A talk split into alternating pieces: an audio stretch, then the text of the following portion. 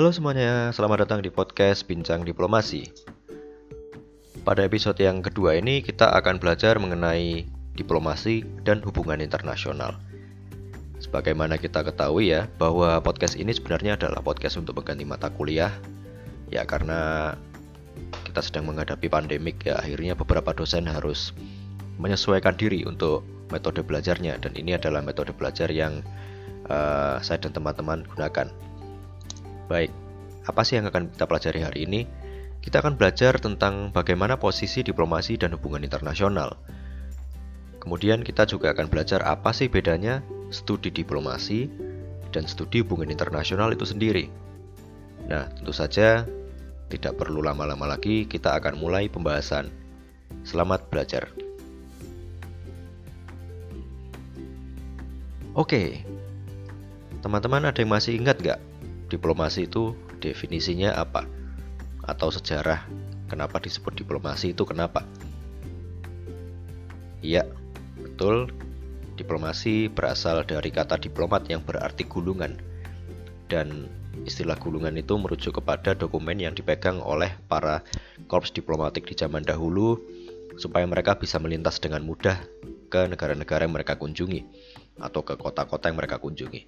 Sama seperti paspor pada hari ini. Tapi kalau diplomasi modern, maka artinya sudah bergeser dari sekedar gulungan itu tadi. Dia sudah dipahami sebagai sebuah seni, sebuah aktivitas yang melibatkan negosiasi antara dua atau lebih pihak. Bisa negara, bisa organisasi, bisa juga individu. Nah, kita akan cover itu di episode-episode berikutnya ya. Tapi untuk hari ini kita cukup memahami dulu apa itu diplomasi dan posisinya dalam studi HI. Teman-teman sekalian, kalau kita bicara soal studi HI dan diplomasi, seolah-olah dua-duanya ini sama, ya enggak? Kalau ngomongin HI ya pasti nggak jauh-jauh dari diplomasi, dan kalau ngomongin diplomasi pasti ya HI. Tapi ternyata tidak selamanya demikian teman-teman karena ada beberapa hal yang kemudian menjadikan studi diplomasi ini sedikit tidak apa ya tidak ditekankan tidak terlalu diperhatikan dalam HI maksudnya adalah studi diplomasi ini ya dianggap sebagai pelengkap saja bukan sebagai sebuah objek yang menarik ada anggapan bahwa diplomasi itu memang ruang mesinnya hubungan internasional. Hubungan internasional itu digerakkan kalau nggak sama diplomasi ya sama apa lagi. Nah tapi seolah-olah ada jurang yang cukup besar ya antara praktek dan teori diplomasi. Jadi uh, kalau kita bicara soal diplomasi dan studinya, kita selalu beranggapan bahwa diplomasi itu ya urusan praktek aja gitu. Ngapain kita belajar soal teorinya? ngapain kita kaitkan dengan studinya sendiri gitu ya akhirnya ketika kita bicara soal studi-studi diplomasi ujung-ujungnya adalah kita bicara sejarah. Ya seperti kemarin kita bicara soal Sumeria kita bicara soal Akadian kita bicara soal Mesir kuno Yunani dan teman-temannya gitu kan. Sehingga seolah-olah fokusnya diplomasi adalah sejarah. Sementara kalau kita bicara soal hubungan internasional, fokusnya adalah teorisasi. Nah, penting juga untuk mencatat ya teman-teman bahwa teori itu tolong jangan diartikan secara salah kaprah ya karena kalau kita di masyarakat secara awam kan masih ada anggapan bahwa teori itu sesuatu yang cuma hasil celetukan ya. Wah, cuma teori. Nah, kamu cuma berteori doang. Seolah-olah teori itu nggak benar, teori itu nggak teruji. Nah, padahal teori itu adalah uh, semacam alat ya, semacam kacamata yang bisa membuat kita itu lebih memahami realita. Untuk menjelaskan fakta-fakta, untuk menjelaskan fenomena-fenomena kita butuh teori. Nah, itulah yang dilakukan oleh HI. Nah, di sini kan cukup beda nih. Diplomasi bicara sejarah, bicara yang dulu-dulu gitu kan. Sementara hubungan internasional bicara soal teori. Maksudnya adalah dia bicara soal mencerna fenomena-fenomena yang ada hari ini kemudian untuk membuat uh, semacam apa ya pandangan-pandangan terhadap apa yang akan terjadi di masa depan. Preskripsi itu. Cara pandang. Nah di sini kan uh, ada perdebatan akhirnya. Sehingga orang-orang diplomasi orang-orang yang belajar sejarah diplomasi akan bilang bahwa hubungan internasional itu semacam ilmu terawangan gitu. Belum ada kok kejadiannya belum ada kok sudah bilang ini itu gitu. tapi di sisi lain orang hubungan internasional juga nggak mau kalah gitu. Mereka juga bilang bahwa studi diplomasi itu nggak teoritis nggak metodologis. Apa ini metodenya? Apa ini teorinya? Kok ngomongin sejarah melulu? Kalau kita bicara sejarah kan ya setiap pelaku sejarah pasti punya tafsiran yang berbeda ada yang bilang juga history itu kan history ceritanya dia gitu sehingga uh, ada anggapan ada sebuah perspektif bahwa studi diplomasi itu ya cuma fokus ke sejarah dan kurang memiliki aspek yang teoritis gitu. tapi lama kelamaan muncul sebuah anggapan bahwa dua-duanya saling membutuhkan bahwa studi HI yang teoritis dan studi diplomasi yang sejarah itu saling membutuhkan pada akhirnya. Misalnya adalah anggapan ya, ini saya bacakan quote dari Jack Levy ya, dia mengatakan bahwa sejarah itu terlalu penting untuk ditinggalkan cuma untuk ahli-ahli sejarah. Dan teori itu terlalu penting untuk cuma ditinggalkan ke ahli-ahli teori gitu. Maksudnya adalah ya tolonglah yang sejarah jangan cuma belajar sejarah doang. Belajar sekali-sekali bela metode belajar metode belajar teori. Terus kamu nih yang belajar teori sama jangan cuma fokus ke teori cobalah lihat mundur ke belakang lihat sejarah lihat perbedaan-perbedaan lihat tafsiran-tafsiran. Jadi supaya perspektifnya jadi makin kaya gitu. Kurang lebih seperti itu ya kalau kita terjemahkan dalam bahasa yang awam Kemudian kalau kita bicara soal keduanya membandingkan antara studi diplomasi dan studi hubungan internasional hubungan internasional itu kan bicara soal konseptualisasi uh, space ruang politik yang dari bawah ke atas. Sifatnya bottom up. Jadi dia melihat bagaimana realita masyarakat itu dibentuk dari bawah gitu. Dibentuk dari interaksi-interaksi masyarakat yang saling berkesinambungan, kemudian membentuk negara, membentuk sebuah sistem. Jadi ruang itu dibentuk dari bawah gitu. Nah, kemudian konsekuensinya adalah muncul dua cara pandang, dua dimensi dari ruang tersebut. Yang pertama adalah hierarkis, yang kedua adalah anarkis. Dan ini semacam apa ya? Pertentangan bahwa kalau kita bicara soal anarkis berarti tidak ada lagi kekuatan puncak, tidak ada lagi uh, yang mengatur jalan mainnya hubungan internasional. Sementara itu kalau kita bicara hierarkis, maka kita bicara soal tatanan dari atas ke bawah, dari ya gampangnya dari negara ke provinsi, ke kota dan seterusnya. Itu ruang politik yang dimaksud.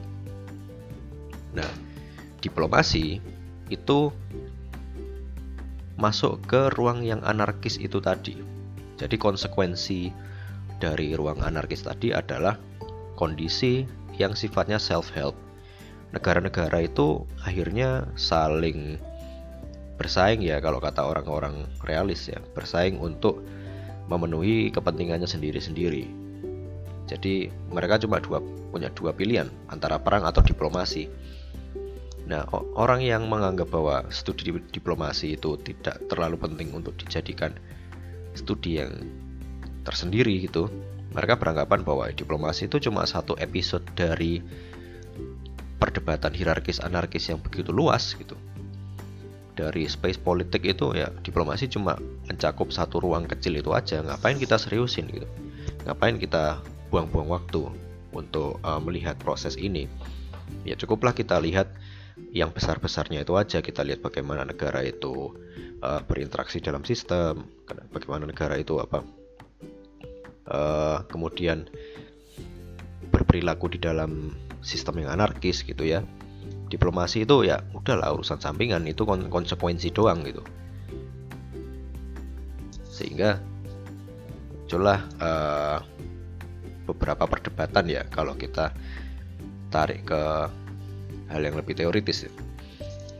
Saya akan mengambil beberapa posisi teoritis ya dalam melihat posisi diplomasi dalam hubungan internasional. Mungkin yang dari HI sudah familiar, jadi pertama saya akan mengambil sudut pandang realis. Kalau orang realis bilang politik internasional itu beda dari politik domestik. Maksudnya adalah dilihat dari ketiadaan otoritas tertinggi. Kalau kita bicara soal politik domestik ya, pasti akan ada puncaknya gitu. Kita bicara soal kota, di atas kota masih ada provinsi, di atas provinsi masih ada negara gitu. Lain kalau kita bahas internasional di atas negara ada apa gitu. Nggak ada apa-apa. PBB, PBB pun bukan organisasi yang bisa memberikan aturan yang menyeluruh gitu. Jadi sifatnya adalah anarki. Dan politik internasional itu selalu berevolusi. Evolusinya seperti apa? lewat dua hal tadi, lewat perang atau diplomasi. Sehingga kalau kata realis, ya saya nggak tertarik membuat teorisasi tentang diplomasi. Dia cuma instrumen. Yang lebih menarik adalah siapa yang memegang instrumen tersebut. Jadi kalau bagi realis, nggak penting kita bahas diplomasi. Yang penting untuk dibahas adalah siapa yang berdiplomasi. Nggak penting untuk bahas uh, kenapa orang-orang uh, berdiplomasi gitu lebih penting untuk dibahas adalah siapa yang memegang kekuasaan tersebut Amerika Serikat misalnya Inggris Uni Eropa mereka lebih tertarik untuk melihat aktor-aktor itu ketimbang melihat studinya terhadap diplomasi itu sendiri nah lain realisme lain juga liberalisme. Kalau liberalisme bilang bahwa uh, ya di satu aspek mereka sepakat dengan realis bahwa diplomasi itu cuma instrumen ya. Tapi liberalisme memandang bahwa diplomasi itu alat bagi aktor-aktor internasional untuk merespons uh, insentif-insentif yang ada di dalam politik internasional. Jadi mereka uh, sedikit lebih tertarik ya ketimbang orang-orang realis lebih tertarik kepada uh, studi diplomasi. Contoh yang bisa kita lihat itu adalah democratic peace. Ini teori yang sering saya gunakan sebagai contoh ya kalau uh, bahas soal liberalisme. Misalnya democratic peace itu bilang bahwa negara yang demokratis akan cenderung lebih damai dan tidak berperang dengan sesamanya. Nah, kalau studi diplomasi menurut uh, liberalisme, dia akan melihat bahwa diplomasi sebagai alat untuk melihat instrumen-instrumen itu tadi, untuk melihat insentif yang muncul dari uh, demokrasi itu seperti apa.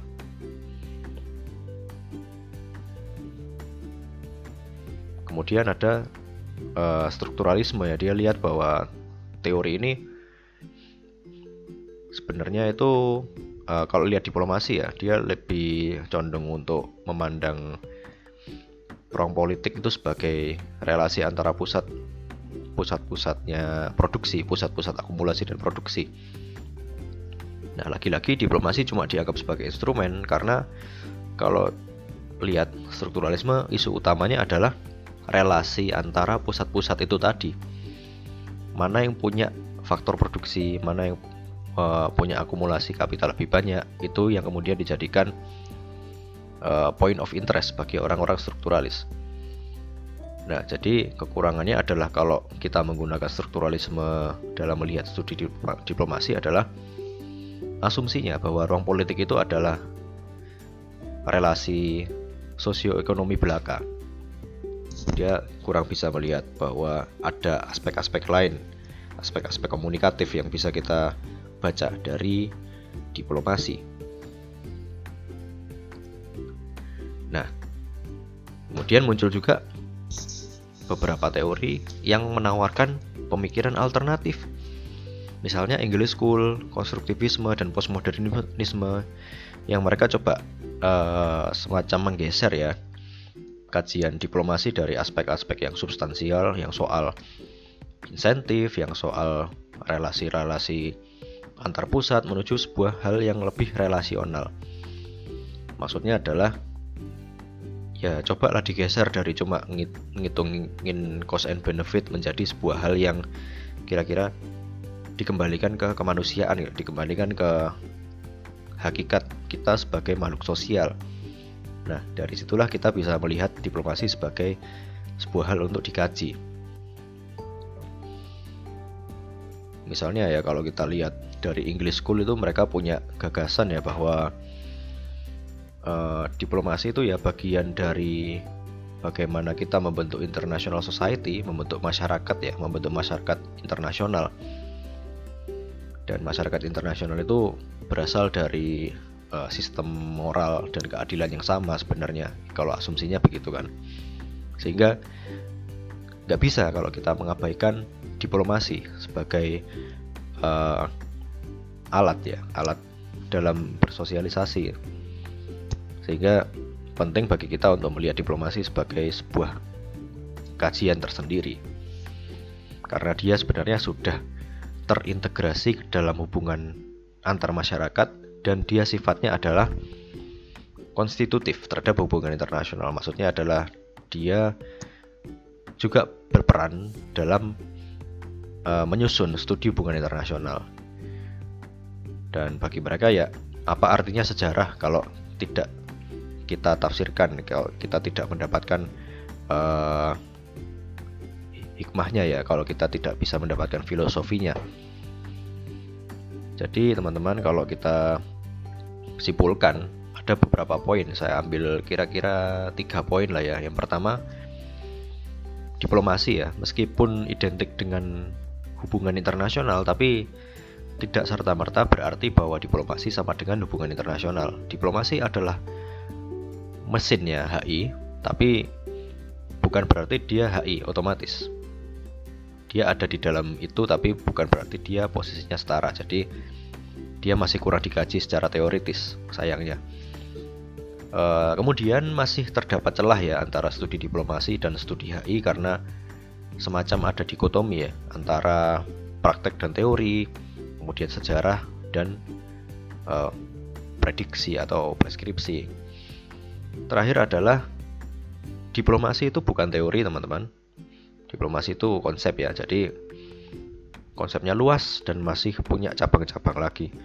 Kalau kita memahami posisi diplomasi dalam HI, kita akan lebih mudah dalam uh, menempatkan dia dalam setiap studi kasus. Jadi untuk menjelaskan diplomasi kita masih butuh beberapa teori lagi, tapi kalau kita paham soal konsep diplomasi kita uh, akan cenderung lebih mudah dalam menafsirkan banyak fenomena yang ada di dalam hubungan internasional. Baik, sekian episode kali ini. Semoga bermanfaat dan selamat belajar.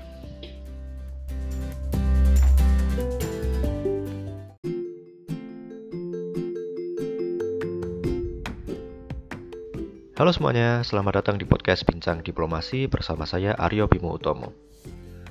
Sebenarnya podcast ini saya fungsikan sebagai pengganti mata kuliah Diplomasi 1 dan Diplomasi 2 yang saya ampu di program studi Hubungan Internasional UPN Veteran Jawa Timur. Namun karena podcast ini sifatnya publik, saya juga tidak menutup kesempatan bagi kalian yang ingin belajar lebih tentang dasar-dasar diplomasi.